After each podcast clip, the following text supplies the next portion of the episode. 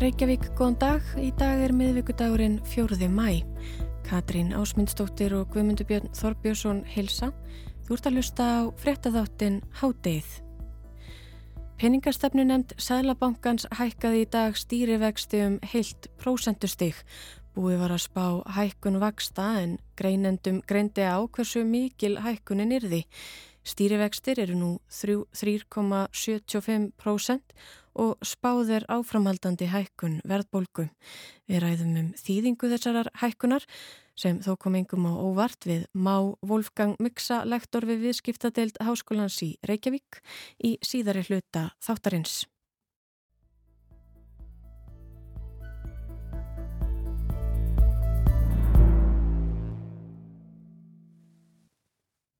En við byrjum á öðru.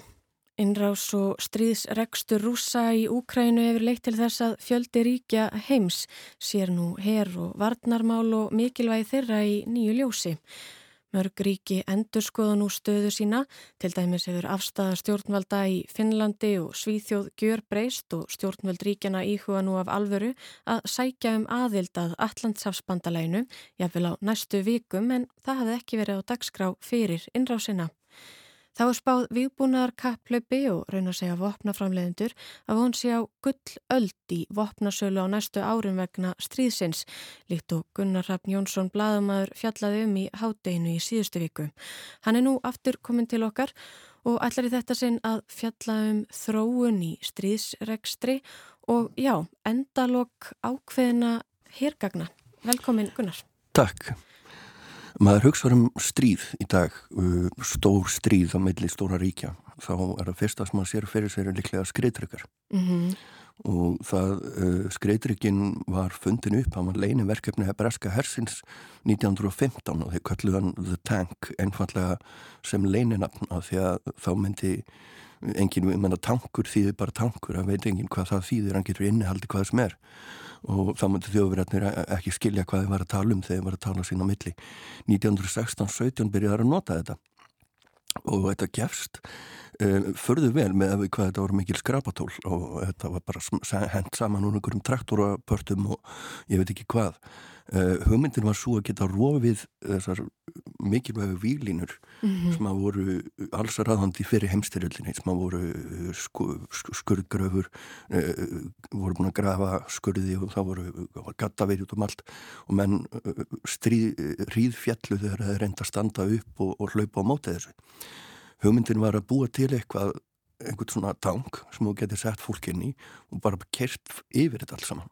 Já og hérna það uh, smá saman þróaðist yfir í, í hérna starri og öflöru vopnaðar uh, hersveitir sem voru þá kallaðar skriðdrekar á, á ísl, góðri íslensku og mjög gott nýjirði uh, og þeir urðu ansverðandi á vývellinum að margra mati eftir sérstaklega setni heimstyrjöndina þar sem að Blitzkrieg, þjóðverja, Panzer, Faust og, og, og, og fleiri hlutir voru notaðir mjög grimt Uh, og það var þannig að í Sovjetríkunum var þetta eiginlega trúabröða, menn trúðu á bara skriði hendinu á mörgum skriðdryggum á vandamálega þá eru þeir óstöðandi fyrir utan kjarnuguvopn.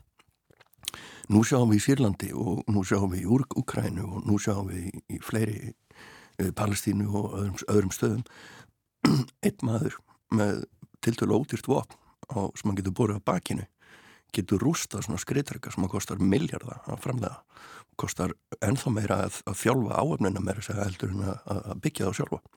Já. og rússar hafa mistað gríðanlegt magna skriðtirkum maður veit engin mörg hversu marga en, en þeir eru búin að missa sem ég segja 20% af, af sínum skriðtirkaflóta og þeir hafa verið eðilaðir ekki af öðrum skriðtirkum af því að Ugrænum en hafa mjög fá á liðlega skriðtirka heldur með hlutum eins og drónahárásum og, og með hérna, þessum uh, þessum eldflögum sem þú getur borið með þér og eru mjög nákvæmar og, og hérna, eru mjög um, öflugar í að komast inn í skreitryggan sjálfan og það er það sem gerist að það springur vopnagemslan inn í skreitrygganum það er, þegar þú sér myndir af ónýttum rúsneskum skreitrygum í dag þá vandar yfirleitt bissun ofan á það því hún bara skýrst einhverstaður í loft upp og þetta er bara eins og að hleypa korktappa úr kampanflösku þegar, þetta gerist. Og menn hafa verið að spá því og raun að freka lengi að þetta gerir skriðdregan í raun og veru úreldan einn maður með eitthvað ódýrt drasla á, á bakinu geti hérna uh, með öðvöldum hætti lagt í rúst uh, heilu skriðdregasveitinnar að meðan að það er ákveðin punktur í því að, að, að skriðdregin er, er viðkvæmara en hann var áður að þá eru þeir líka uh, reynilega að vera að beita þeim ránt í Rúslandi Mm. Skreitryggarsveitir ekki, ekki, ekki fara einar inn í, í uppbyggð svæði, það er bara sjálfsvík menn þú sér það að þú keirir niður þrönga götu geta verið menni hvaða glugga sem er með eina svona sprengju þá er þetta bara búin mm. þannig að það sem að þú átt að gera með skreitrygga hérna, er að umkringja borgir og nota, og nota hérna, þungubirsunar og nákvæmi byrsunar til að reyna að, að skjóta á þau svæði þar sem að varnarliðið er, er, er komið saman og beita svo lofthernaði úr drónum sérstaklega til að sjá hvaðan er verið að skjóta á skreitirkana. Já. Þannig að þetta er kallað combined arms að, það, þú þart það, þú þart ekki lengur uh, einhver eina skreitirkasveit heldur þartu allt batterið í kringu þú ert loftherr, þú ert landherr þú þarft uh, að sjálfsögðu verkfræðinga, þetta er alltaf að bila. Þetta er skriðrikar þekktir fyrir, fyrir það að fara af spórinu bókstaflega, spórið bara dettur af, það er mjög öðvöld að gerist mjög öðvöld þannig að það er sífælt menn að hoppa út af skriðrikanum og lagan á meðan hann er að keira menn keira yfirleitt ekki um 100 km á þess að þurfa að laga eitthvað. Já, þannig að þetta í rauninni kannski bara er ekki lengur að borga sig. Uh, borgar sig ekki í eins stórum stíl og áður, skreitaka hernaðar verður ekki, ekki framtíðin þessi stóru vígvelli sem menn sáðu fyrir sér mm. frá setni heimstyrildunni en þeir verða ennþá nöðseglir því þeir gegna hlutverki samskipta hlutverki og þeir gegna uh, þeir ákveðin varinu punktur fyrir herrmenn sem geta þá skilt sér að bakveða og, og nota þá sem svona færanlega varnan meðstöð Heldur að komi, enn og rétt í lokin heldur að komi eitthvað í staðin eða verður bara aukst til dæmis mikilvægi dróna? Eh, mikilvægi dróna er, er, er aukist, aukist mikið í kjálfariða því að þú getur fylgst með þeim á ofan og mm. trótt á sprenginu ofan og þá eru þeir með þeir þar heldur en á hliðan. Það er einmitt það. Kærar þakkir fyrir komuna Gunnar Jónsson, bladamæður við Snúm aftur hér í hátinu rétt á eftir frettir og þá ræðir Guðmundur Björn við Má Wolfgang Mixa, lektor við viðskiptadeild Háskólans í Reykjavík um ákverðun peningastefnu nefndar Sælabankan sem hækkaði í dag stýrivexti um heilt prósentustig.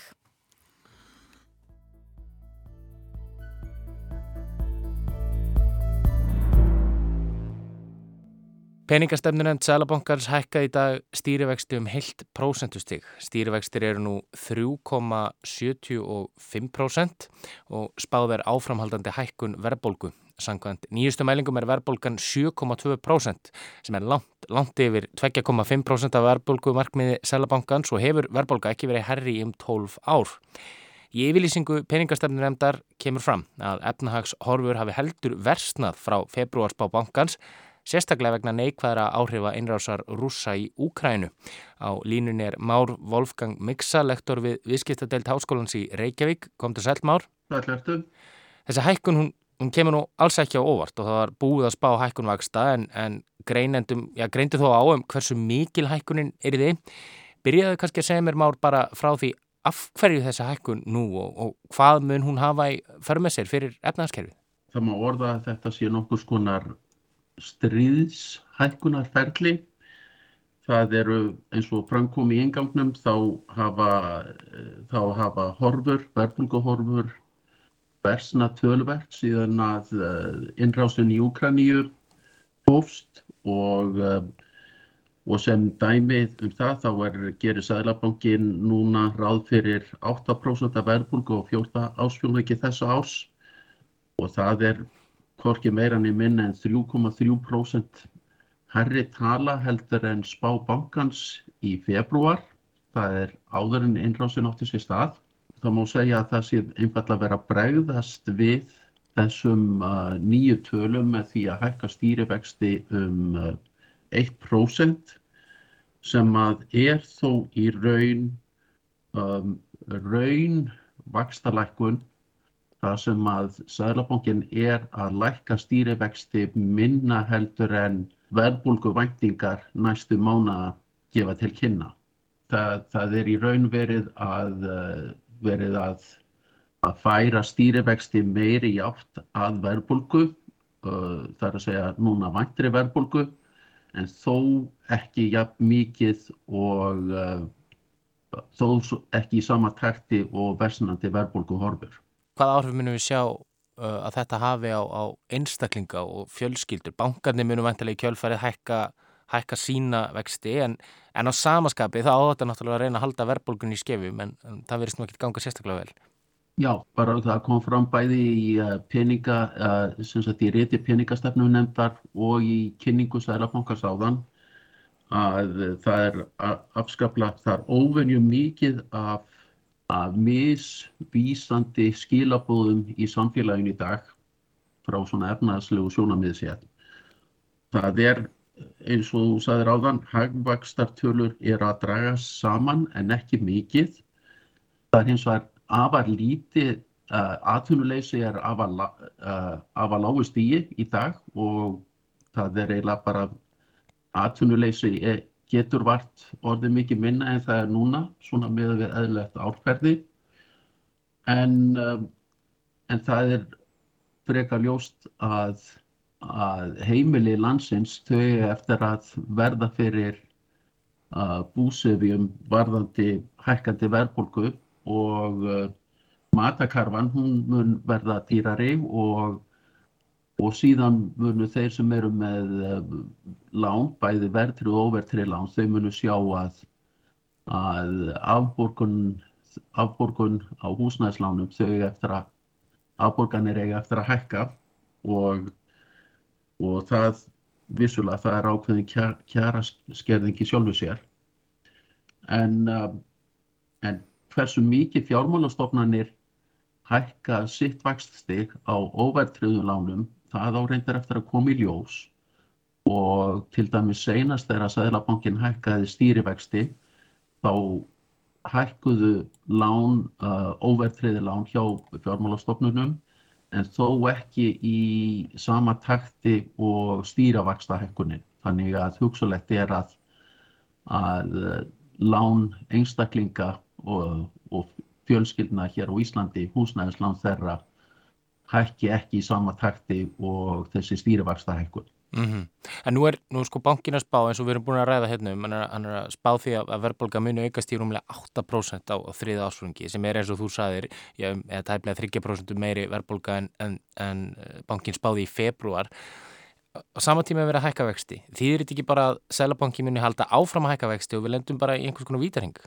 Það er ótti um, margra að þetta eins og framkom á fundunum að, það, að hér myndist nokkuð skonar að kreppu verðbólka að, að það geti, þetta þjóling getur skindilega hérna, hægt að snúast og hér hækki verð, ekki ósvipa því og gerðist í byrjun 8. áratugurins þegar að ólíuverð hækkaði, vaksta stig hækkaði og verðbólka en samdráttur átti sér stað í uh, samfélaginu á sama tíma. Og uh, þetta er vissulega áhyggju efni en enn sem komið er þá eru ekki teikn á lofti um að slíkt sé að gerast.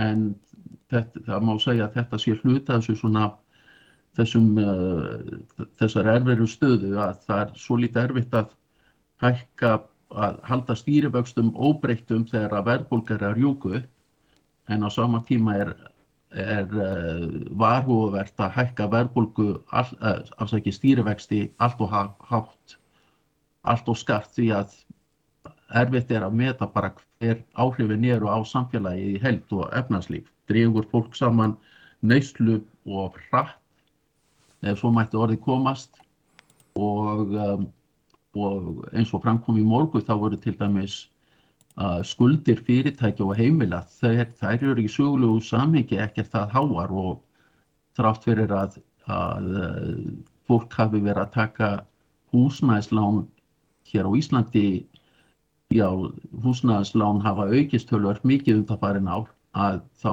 eru eru skuldir heim, heimilega en hóflegar. Nú er, er Sælabankin ekki einráður, svo að segja, og, og það er ekki engungundur honu komið hvernig, hvernig við leysum úr þessu, hvernig, hvaða úrræði höfu, hvaða úrræði hafa stjórnvöld uh, til þess að, að bregðast við þessu, þessu ástandi?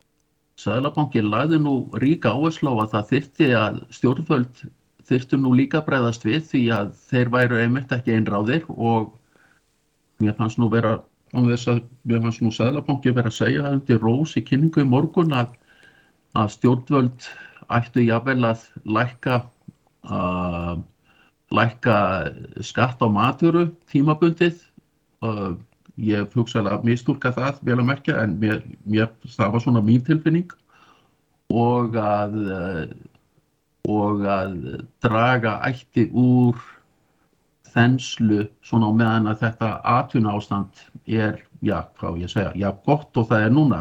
Það eru fáir sem er að leita sér að vinna en það sem að flækja málið enn frekar er að húsnæðsverðir að hækka og, og með auknum efnaðsumsugum þá er líklegt að efnaðsumsugum í tengslu við ferðarþjónustu þá er líklegt að það muni kalla á að fjölga uh, innflyttu vinnuafli sem að eigur þrýsting á eftirspörn hvað húsnæði varðar og uh, það er það er í raun og veru bara eins sem hægt þá er að gera og það er að fjölga enn frekar, uh, frekar húsnæðiskostum á höfuborgarsvæðinu og jável út á landsbyðinni og eitt af því sem maður hefur nú reyndar lítið verið í umræðinni er að það þarf líka að, að uh, bæta samgöngur þannig að það fólk sé ekki að borga einhvers konar yfirverð fyrir að vera nálagt að miðbægasvæði í Reykjavíkur.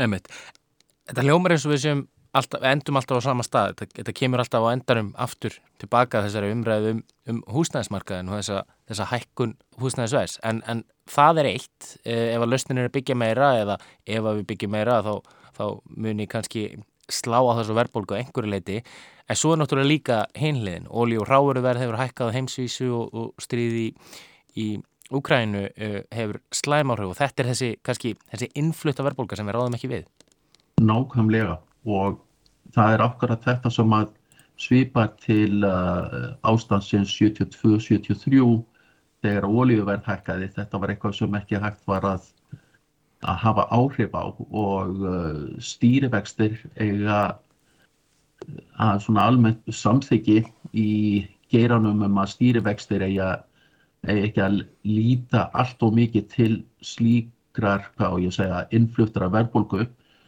en á sama tíma þá er getið að veri líka hættulegt að hafa raunvakstastig, það er að segja stýrivextir séu svona miklu larri heldur en verðbólka því að það, það í raun og veru hvetur fyrirtæki og jável einstaklingar til að taka lán vitandi hversu há verðbólkan er. Það er vissulega eitthvað sem lítið hægt að gera uh, en húsnæðs, húsnæðsliðurinn það er eftir hljónu sag og Nú er, nú er ekki það að það sé vera að mælast með því að húsnæðisverð lækki, það gerir það, það þurfti eitthvað áfallega sérstað til að húsnæðisverð lækki verulega. En að til þess að halda verðhækkunum í skefjum þá er nokkuð ljóst að það þurfti að byggja meira og það tengist auðvitað að stóru hluta til að Íslendingum að er að fjölga hratt vegna innfluttra inn, Íslendinga eða svo mættu orðið komast uh, Íslendinga sem er, ekki, sem er að ellendurbergi brotnir.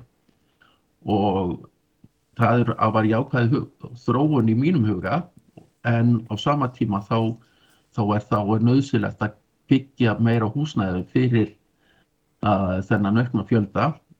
Og, og það er nú kannski rétt að benda á það að til dæmis þegar húsnæðisverð hækka á spáni í aðdraganda 2008 hlunsins að þá var verið að byggja heilmikið af nýju húsna á spáni. Þetta er ekki, er ekki bara lausni í sjálfsvegar að byggja nýtt húsnæði. Það þarf líka að bæta samgöngur til þess að, að auka eftirspögnina á ymsu svæðum hugurborgarsvæðisins. Einmitt, Már, bara alveg í lokin, þú talaður hérna um, já, nokkur skonar stríðsástand, uh, stríðshækkun, stríðsverðbólgu. Myndur þú segja að þetta væri hvað svona verstu efnaðslegu horfur sem við séð hér á landi í langa tíma? Nei, ég myndi alls ekki segja það. Efnaðslegu horfunar voru, uh, þetta er ekkert með við það sem við vorum að glíma við árið 2009, 2010 og 2011 og, um, og þó svo að það sé uh, ákveðin svona kjara rýrnun eiga sér stað með þessari verðbólgu þá verður að hafa í huga að hér er ferðarþjónustan aftur að ná sér á streik vonandi. Og um, atvinnuleysi er lágt. Og uh, það er kannski helst það að það þurfti að að hlúa þeim hópum sem að best eru settir þannig að, þannig að uh, þeir finni kannski síður fyrir þessum áhrifum og í því samband er ég til dæmis sjálfur persónulega af að hlindu því að lækka uh, lækka uh, virðinsaukaskatt á maturum svona tímabundið á meðan að á meðan að þessi hérna alda verðhækkarna á uh, á sér stað hér á Íslandi og allstaðar í heiminum. Emitt, við vonum að við komumst sem fyrst úr þessu efnagslega ölduróti. Kæra þakki fyrir eh, spjallið, Már Volgang Miksa. Ég þakka fyrir mig.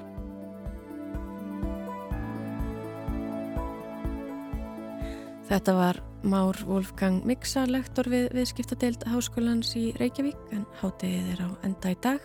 Við verum hér aftur á sama tíma á morgun. Þátturinn er einni aðgengilegur í spilaranum og hlaðvarpsveitum og þá er þetta að senda okkur post með ábendingum á netfangið hátegið hjá rúf.is. Er þið sæl?